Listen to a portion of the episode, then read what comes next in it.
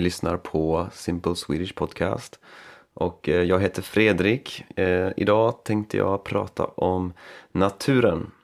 Eh, för det har alltid varit viktigt för mig och jag har alltid varit fascinerad av djur och natur.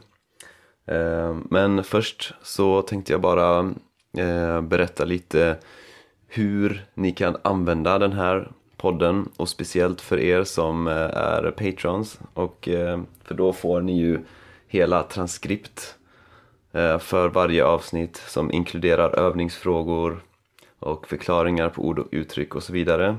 Så ehm, det, det bästa skulle jag säga är att först lyssna på hela avsnittet. Försök förstå så, så bra som möjligt. Kanske lyssna två gånger och försöka svara på övningsfrågorna bara genom att lyssna. Och eh, sen Sen så läser ni transkriptet, försöker förstå hela transkriptet, översätter alla ord som ni inte förstår och eh, när ni förstår eh, hela transkriptet då lyssnar ni igen och nu kommer ni att eh, förstå det mesta som jag säger och det är ett eh, väldigt effektivt sätt att eh, öva hörförståelse på och att lära sig nya ord. Eh, och om ni är intresserade av att få transkripten i pdf-format för alla avsnitt så kan ni bli Patreon. Gå in på min hemsida swedishlinguist.com och där hittar ni länkar till min Patreon-sida. Och ni hittar också massa andra saker som till exempel mitt Youtube-konto, min Facebook-sida och så vidare. Ja, så idag tänkte jag prata om naturen. För jag har alltid gillat naturen. Jag både att vara i naturen och att läsa om djur och natur och ja, biologi. Jag har alltid älskat eh, naturfilm. När jag var liten så var mitt eh, favoritprogram eh, ett eh, program som hette Mitt i naturen Ja, så att, eh, och fortfarande så tycker jag att det är väldigt, väldigt fascinerande att titta på naturfilm. Man får en inblick i, ja, i ställen och varelser, livsformer som, som man inte ser annars. Till exempel att man tittar på en eh, dokumentär om havet, om man får se fiskar och andra andra djur som lever nere under vattnet som man annars inte kan se. Och det tycker jag är väldigt, väldigt fascinerande för det finns så många olika livsformer. Det finns liksom tusentals, tusentals och, eh, och alla är olika och alla har sina egna små egenheter.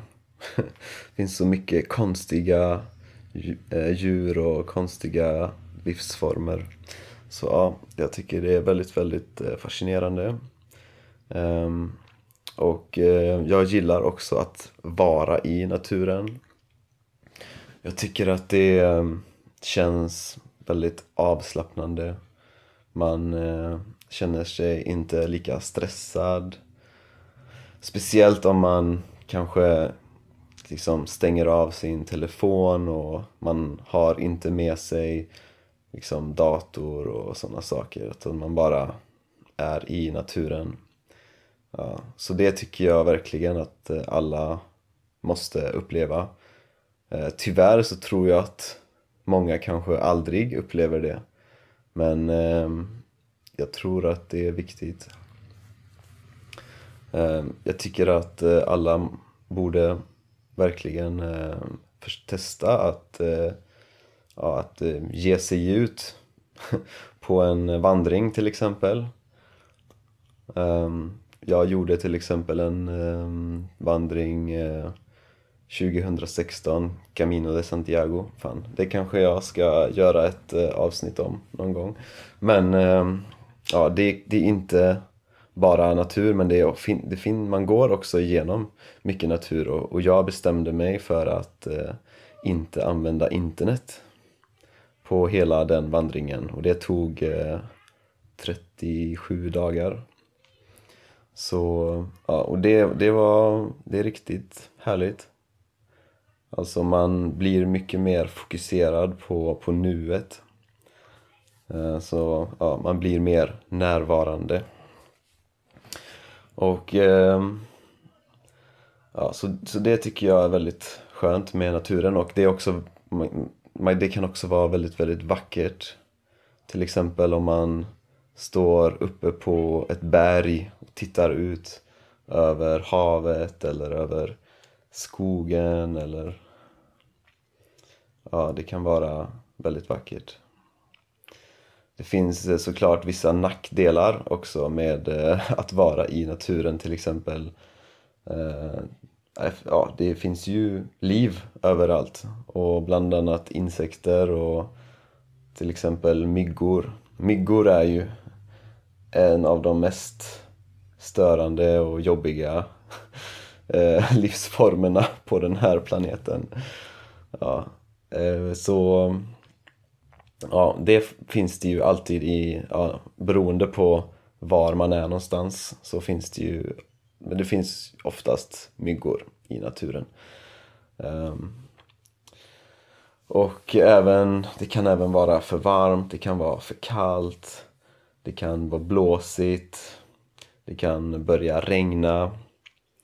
Uh, och det jag vet inte, det kanske är de sakerna som gör att uh, vissa människor inte vill vara ute i naturen eh, en längre stund. Och kanske också att eh, de inte vill... Eh, alltså man har så mycket komfort i, i, i sitt liv nu för tiden. Så, men, men det är ju samtidigt så att, att om man lämnar komforten ett tag då uppskattar man den mer sen när man kommer tillbaka.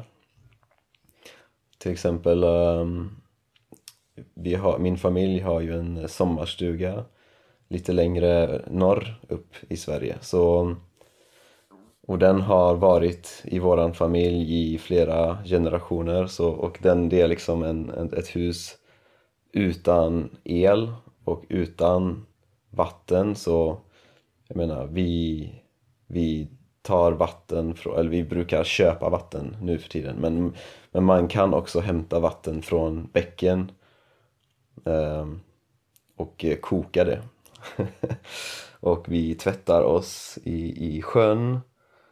Och ja, vi förvarar mat i eh, en jordkällare, alltså en, det är som ett rum under marken. Så det är väldigt så basic.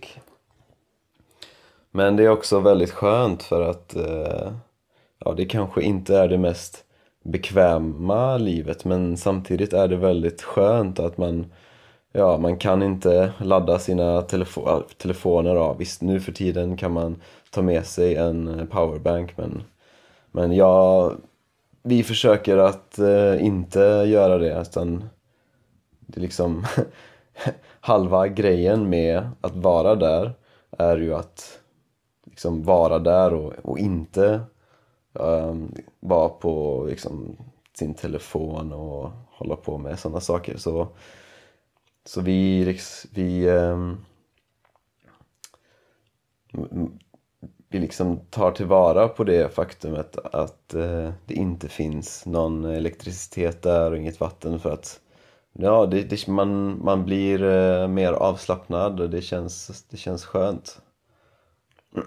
Så det tycker jag att eh, alla måste uppleva Speciellt nu för tiden när man alltid är uppkopplad och man alltid har internet och telefon och sådana saker. Jag tycker det är viktigt att man, eh, man kopplar bort ibland. Kanske tar en vecka och bara kopplar bort och eh, var i naturen eller i alla fall en, mer en miljö som är lite mer nära naturen. Så, ja, för att om man inte gör det, om man aldrig upplever naturen och om man aldrig upplever hur det är att vara bara närvarande och det, jag tror man, man går miste om någonting i livet.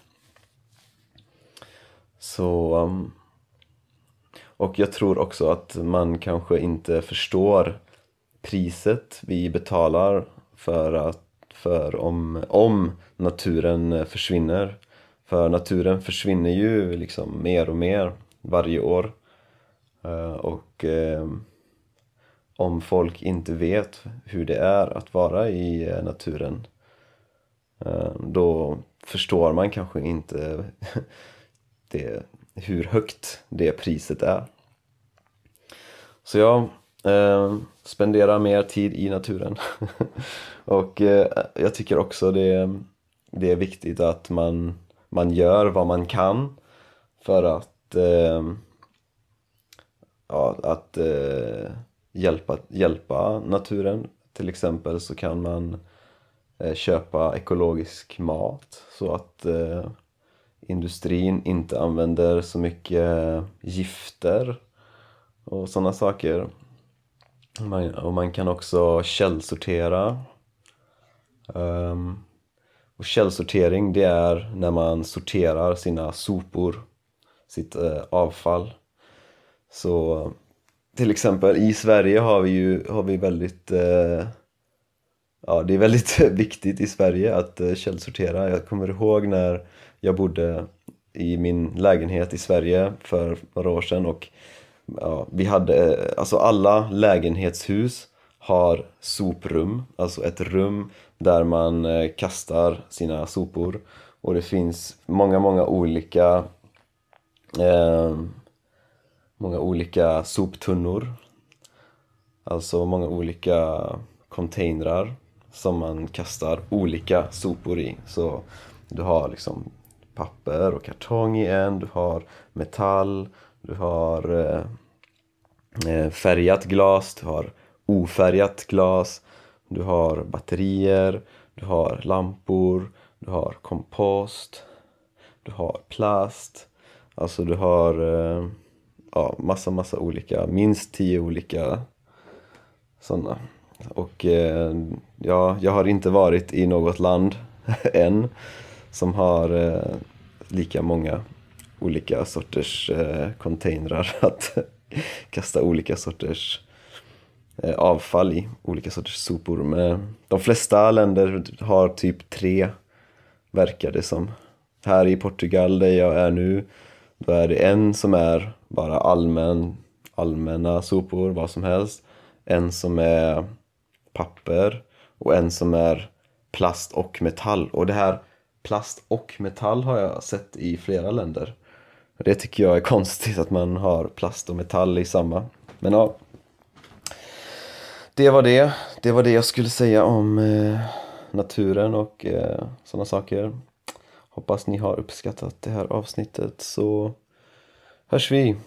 Och eh, glöm inte att eh, följa den här podden om du gillar den och eh, du kan också följa eh, min Youtube-kanal min Facebook-sida som också heter Swedish Linguist. Så ha det gött, så hörs vi.